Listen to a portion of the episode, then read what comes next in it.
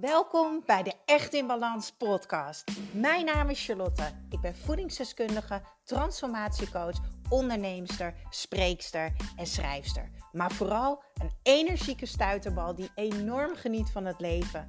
En ik gun het jou ook. En dat is dan ook mijn missie: om jou te helpen naar meer energie, rust in je hoofd en een leven echt in balans. Ik neem je mee in mijn dagelijkse routines, mijn persoonlijke reis naar de echte ik en mijn ondernemersavontuur. Maak je klaar voor een dosis positieve energie. Dag lief leuk mens. Wat fijn dat je luistert naar de Echt in Balans podcast. Welkom. misschien ben je er voor het eerst. En misschien eh, ben jij wel een van die luisteraars die elke dinsdag en vrijdag uh, meteen begint te luisteren. En beide vind ik natuurlijk super tof. Ik uh, ben net thuis van een familieweekend. Donderdag tot en met zondag in Limburg. Ik denk dat ik nu net een uurtje terug ben. En um, ja, ik wil daarin heel erg mijn persoonlijke verhaal delen. Ik liep net, ik, laat ik even beginnen bij, ik kwam uit de trein. Ik heb uh, bijna drie uur teruggereisd. En uh, ik kom thuis en ik dacht, oh ja, ik wil lekker boodschapjes doen. Hè? Dan heb ik mijn gezonde boodschapjes naar huis voor de komende vier dagen. Even stofzuigen, even dweilen. Lekker de kaarsjes aandoen. Ik had de kerstboom al opgezet voordat ik wegging. Dus lekker de lichtjes erin gedaan. Um, weekplanning had ik ook al gemaakt voor aankomende week voordat ik wegging. Maar daar mag ik nog even wat aanpassingen in maken. En ik ging dus naar de Albert Heijn en ik loop altijd al memoend met mijn vrienden. Uh, als ik aan het wandelen ben of als ik naar de supermarkt ga. Even met die bijkletsen, even met die. Vind ik heerlijk. En ik zei tegen een vriendin: oh, Ik ben toch zo trots op mezelf oprecht is dit de eerste keer na mijn burn-out. Uh, dus dat is uh, voor mij, uh, nou ja, dik vijf jaar geleden. Dat ik terugkom van vier dagen van huis. omringd met andere mensen. Ander ritme, ander regelmaat, noem het allemaal maar op. En normaliter kwam ik thuis en was het ten eerste altijd huilen. Uh, voor mij is huilen niet alleen verdrietig zijn, voor mij is huilen ook heel erg ontladen. Als ik heel erg overprikkeld ben, dan kan ik soms even een uur keihard huilen en dan. Oh, huilen is echt loslaten. Huilen is accepteren van de situatie hoe het is. Huilen is terug in je lijf zakken. Huilen is je gevoel mogen voelen, mogen zien. En dan lag ik er altijd minimaal een week vanaf. En ik dacht in één keer vandaag, en dat zei ik tegen mijn vriendin: Wauw, wat heb ik een prachtige ontdekkingstocht gehad de afgelopen vijf jaar. Wat heb ik veel grenzen mogen ervaren, veel crashes mogen ervaren. Met een crash bedoel ik omvallen en weer opstaan. En niet opstaan en door, maar opstaan en hey, wat heb ik geleerd? Wat is hier nou eigenlijk gebeurd? Hoe zou ik dit de volgende keer anders kunnen doen? En ik voel me oprecht zo blij en ik voel zoveel ruimte. Ben ik moe? Ja. Ben ik overprikkeld? Ja. Maar het voelt voor het eerst uh, alsof ik. Nee, niet alsof ik. Het voelt 100% zeker zo. Ik zit nu lekker op de bank. Ik heb zelfs nog de energie om een podcast voor jullie op te nemen dat ik lekker een kerstfilmpje straks opzet. Hé hey Pukje, kom je erbij, schat? Ja, maar Poes heeft me gemist, deze schat. Ga je even gedag zeggen? dat ik een kerstfilmpje straks opzet. Lekker mijn telefoontje aan de kant gooi. Vroeg naar bed ga, zoals gewoonlijk, mijn lekkere avondritueeltje. Lekker op mijn spijkermatje liggen, magnesiumvoetenbadje, lekker warm douchen. Net waar ik behoefte aan heb vanavond. En dat ik morgen gewoon fris en fruitig wakker word en mijn week lekker ga starten. Wauw, dat is voor mij zoiets groot. En ik deelde dit op mijn Echt in Balans Instagram en ook een beetje op Charlie's Kitchen. En er kwamen zoveel vragen van, zou je daar een podcast over willen opnemen? Betekent dat dat je nog vijf jaar burn-out klachten hebt gehad? Ik denk, het is tijd voor die podcast. En betekent dat dat ik nog vijf jaar burn-out klachten heb gehad. Je hebt burn-out klachten, overspanningsklachten. Um, en je hebt in die burn-out zitten. Dat is dat donkere, zwarte hol. Waar je echt helemaal niks meer kan. Waar je echt burned out bent, zal maar zeggen. Beginnende burn-out klachten uh, is als je uitgeput bent. En al merkt dat je lichaam begint te haperen. Um, en bij mij uit het, uitzicht dat vaak in uh, woorden doorslikken, uh, heel erg vergeetachtig zijn, uh, geen eetlust hebben. En heb je ook nog het overspannen zijn. En het overspannen zijn is eigenlijk niet kunnen ontspannen. Dus een bepaalde onrust voelen, veel piekergedachten, misschien juist veel meer eten, de onrust hebben dat je naar eten zoekt, uh, hoofdpijn, migraine, onrustiger slapen, moe wakker worden. Dus terugkomend op de vraag, heb ik dan nog vijf jaar burn-out klachten gehad? Weet je wat ik denk? Als ik nu zo terugkijk, dan denk ik, ik heb geen burn-out klachten gehad als ik dan zo'n weekend wegging. Maar ik was nog heel erg aan het zoeken naar wie ik eigenlijk was en hoe mijn gebruiksaanwijzing echt werkte. En ik heb zoveel geleerd de afgelopen vijf jaar. Ik heb natuurlijk in die vijf jaar in die burn-out gezeten. Vervolgens ga je in een herstelproces zitten. Daarna ga je weer uh, levensconditie opbouwen. Dus meedoen met de levensstroom eigenlijk, met de maatschappij. Uh, maar daarna, als je daar weer bent, hè, je bent ook ouder, je leven verandert. Mijn relatie ging over drie jaar geleden. Ik had drie jaar samengewoond, ook voor een kindje gezorgd parttime. Ja, dan ga je weer opnieuw die balans zoeken. Een leven echt in balans is uh, eigenlijk altijd de balans vinden tussen ervaren en ontdekken wat voor jou werkt. Een leven echt in balans is eigenlijk altijd opnieuw de balans zoeken. Want als zich een nieuwe situatie voordient, en dat is het leven, er gebeuren dingen, relaties gaan over, je gaat misschien bij een nieuwe baan beginnen, wellicht wordt je moeder, uh, misschien is er iemand overleden in de familie, dat is het leven. En dan opnieuw ga je die balans zoeken, maar wel uh, met de persoon die je op dat moment bent. En ik heb er heel lang over gedaan om mezelf te begrijpen. En ik moet zeggen, ik vind mezelf nog steeds een beetje ingewikkeld af en toe. Want zelfs als ik moe en overprikkeld ben, zeggen mensen: Wow, je hebt zoveel energie. Um, ik ben nu heel moe en overprikkeld, maar ik ben heel enthousiast. En dat geeft me weer eventjes zo'n stroom van energie. Maar als ik nu ga liggen, kan ik slapen hoor. En bij iedereen uitzicht dat natuurlijk anders. Um, en ik hou heel erg van uh, de mensen om me heen. Liefde, verbinding, joy. Maar ik raak ook heel erg snel overprikkeld als ik met veel mensen om me heen ben. En um, voor mij is het heel erg belangrijk dat ik niet te veel ga vliegen, zo noem ik het. Dan ga ik eigenlijk een beetje mee, dan word ik meer geleefd dan dat ik leef. En met leef bedoel ik twee benen stevig op de grond, dicht bij mezelf, in mijn kracht. En daar heb ik best wel een tijdje over gedaan. Want het is best lastig om elke keer weer uh, met de drukte waar we eigenlijk in leven, om elke keer weer um, die twee benen op de grond te zetten.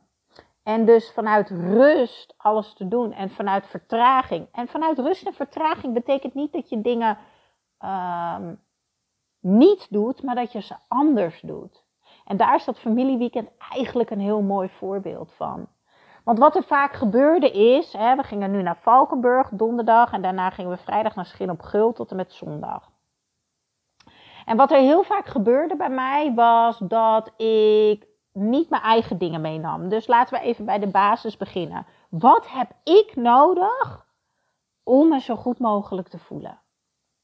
Wat kan ik meenemen naar waar ik ook naartoe ga? Of het nou Aruba is aan de andere kant van de wereld, of dat ik naar Limburg ga, of dat ik ga logeren bij mijn partner, of dat ik uh, um, een weekendje wegga met een vriendin. Nou, er zijn een aantal basisdingen die bij mij er zo in zitten, dat gaat met twee vingers in mijn neus. Maar dat is nu.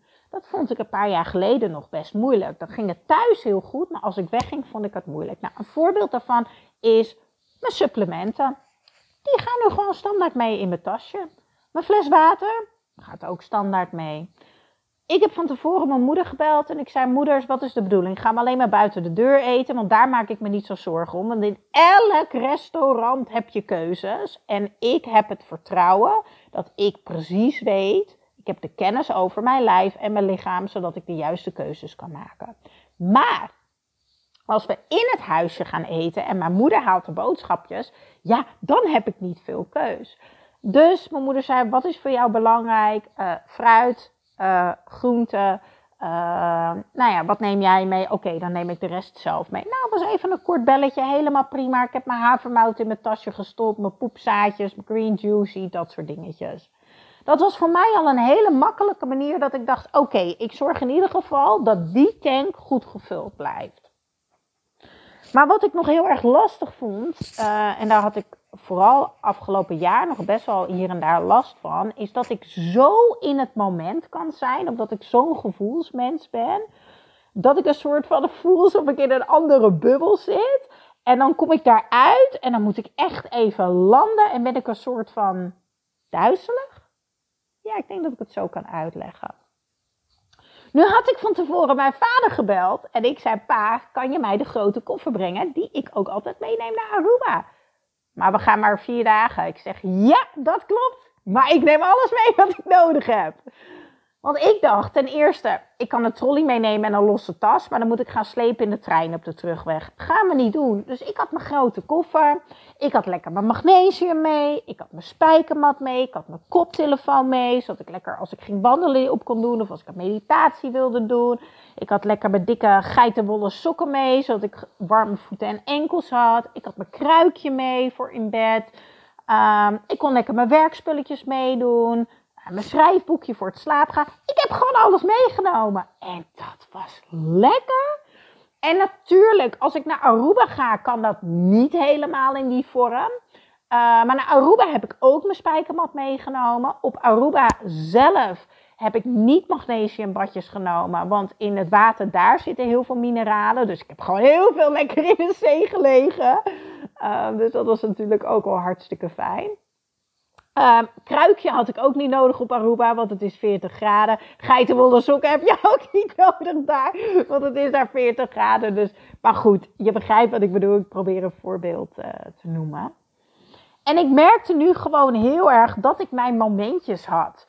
Uh, mijn neefje was mee. Mijn neefje is anderhalf. En die moet natuurlijk slapen ook tussen de middag. Dus dat was de gelegenheid voor deze meid. Dat ze zei, laat tante Charlie maar oppassen. Nou, dan gingen, gingen hun lekker naar de kabelbaan in Valkenburg. Of bolen of wat ze ook gingen doen. En dan bleef ik lekker in het huisje. En dan zei mijn zusje, vind je dat dan niet erg? Vind ik helemaal niet erg. Laat mij maar lekker hier. Nou, dan ging ik lekker mijn voetenpadje nemen. Lekker een boekje lezen even een uurtje, twee uurtjes tot mezelf komen. En s'avonds, als mensen zaten te borrelen en spelletjes te spelen, ja, dan zei ik gewoon om tien uur: Jongens, ik ben moe. Ik ga lekker naar bed. En wat ik zo fijn vond, is dat ik dat een paar jaar geleden ja, niet deed. Ik voelde me een soort van verplicht om ook mee te doen. Want ja, dan ben je toch niet gezellig of dan ben je saai. Het was echt nog dat please gedrag wat ik had. Maar het mooie was, het is mijn ontdekkingstocht en ervarings uh, um, ja, een er, ervaren periode geweest om te ontdekken hoe ik dit kon doen. Door heel veel te doen, te proberen. Maar het mooie is dat ik bijvoorbeeld ook bij mijn familie zie, nu na vier jaar, dat zij dat ook steeds meer doen. Ik zei s ochtends, ik ga even lekker aan de wandel, even mijn energiemotor starten. Oh, zegt mijn vader, vind ik heerlijk, ga met je mee. Nou, de man van mijn zusje zei, maar ik ga even lekker muziek op bed luisteren ik heb dit als zo fijn ervaren. En wat ik het allermooiste vind, is dat ik op dit moment zoveel liefde voor mezelf voel. Dat ik me zo trots voel op mezelf.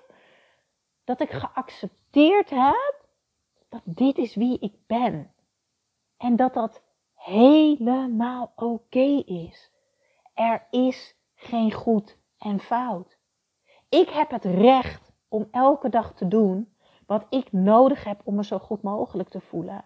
En ik heb de mogelijkheid om in welke situatie dan ook mezelf altijd de vraag te stellen: wat kan ik in deze situatie doen om me in deze situatie zo goed mogelijk te voelen? Wat zijn de mogelijkheden? Waar ligt misschien een oplossing voor een probleem waar ik tegenaan loop? En dat geeft me nu zo'n gevoel van vrijheid. Dat geeft me zoveel ruimte. Ik heb zo kunnen genieten uh, met mijn neefje. Mijn moeder was jarig. Ik heb echt de kerstmarkt. Ik heb echt van alles zo kunnen genieten. Zonder met toeteroren rond te lopen. Want ik krijg heel snel suisoren als, ik, uh, als mijn lijf gewoon niet genoeg ontspant. Als ik niet genoeg tijd met mezelf heb. Ja, en ik heb dat al zo prettig ervaren. En dat is wat ik jou ook gun. Wanneer je dit luistert, uh, luister hem nog een keer. Ik denk dat er meer waarde in zit uh, dan je denkt. Want ik ben behoorlijk aan het brabbelen. En weet dat, er al, dat jij altijd um, dicht bij jezelf kan blijven. Maar dan is het wel belangrijk dat je jezelf begrijpt en je lichaam begrijpt. En ik ben gewoon iemand die heel erg van liefde en verbinding en joy houdt. Maar ik heb ook die ruimte voor mezelf nodig. En daar heb ik gewoon heel lang over gedaan om die balans daarin te vinden. Ik raak snel overprikkeld uh, als ik uh, met groepen mensen ben. Ik hou niet van verjaardagen. Ik hou niet van baby showers. Nou, dat doe ik al jaren niet meer. Um, maar dat is ook een groeiproces voor mij geweest. Je hoeft niet te pleasen als iemand jarig is en jij vindt verjaardagen niet leuk en je loopt helemaal leeg op verjaardagen, dan betekent dat niet dat je die persoon afwijst. Ik bel mijn vriendin gewoon op en ik neem mijn vriendin mee uit eten of ik ga voor haar koken of we gaan een dagje naar de sauna. Ik vier alsnog haar verjaardag. Ik hoor haar, ik zie haar, ik maak haar belangrijk, ik maak ruimte voor haar. Maar wel, uh, we meeten, zal ik zeggen, in between. Want mijn voorwaarden zijn ook belangrijk. Ja, ik denk dat ik dat heel erg belangrijk vind. Alright. Tijd om lekker een kerstfilm op te zetten. wil jij dit ook leren? Um, nou, eigenlijk wil jij jezelf leren kennen. Wil jij leren hoe jij die balans voor jezelf kan vinden? Ga dan kijken op echtinbalans.nl, schuine streep, programma. Uh, het lijkt me fantastisch om met jou uh, samen te gaan werken. En uh, ja, eigenlijk een beetje deel mogen zijn van jouw reis. Want dat is het. het is, mijn Echt in Balans traject is zo'n mooie reis naar jezelf. En um, ik heb die reis meerdere keren al gemaakt. Elke keer als er een situatie zich voordoet in mijn leven, een relatie die overgaat, of als er dingen, ik ga verhuizen of zo, dan begint die reis naar echt in balans weer. En ik verander ook elk jaar weer. Ik word ouder, ik heb andere behoeftes en daarom is het zo belangrijk om altijd aan jezelf te blijven werken. Um, dus ik ga ook nu in december weer even lekker reflecteren. Ik ga daar ook een podcast over opnemen. Hoe kan je het einde van het jaar liefdevol, mooi en warm met jezelf afsluiten? Hoe kan je mooi vooruitkijken? Misschien moet ik wel live iets gaan doen. Ja, misschien online live iets. Oké, ik krijg ideeën. Tijd om te stoppen. ik wens je een hele fijne dag.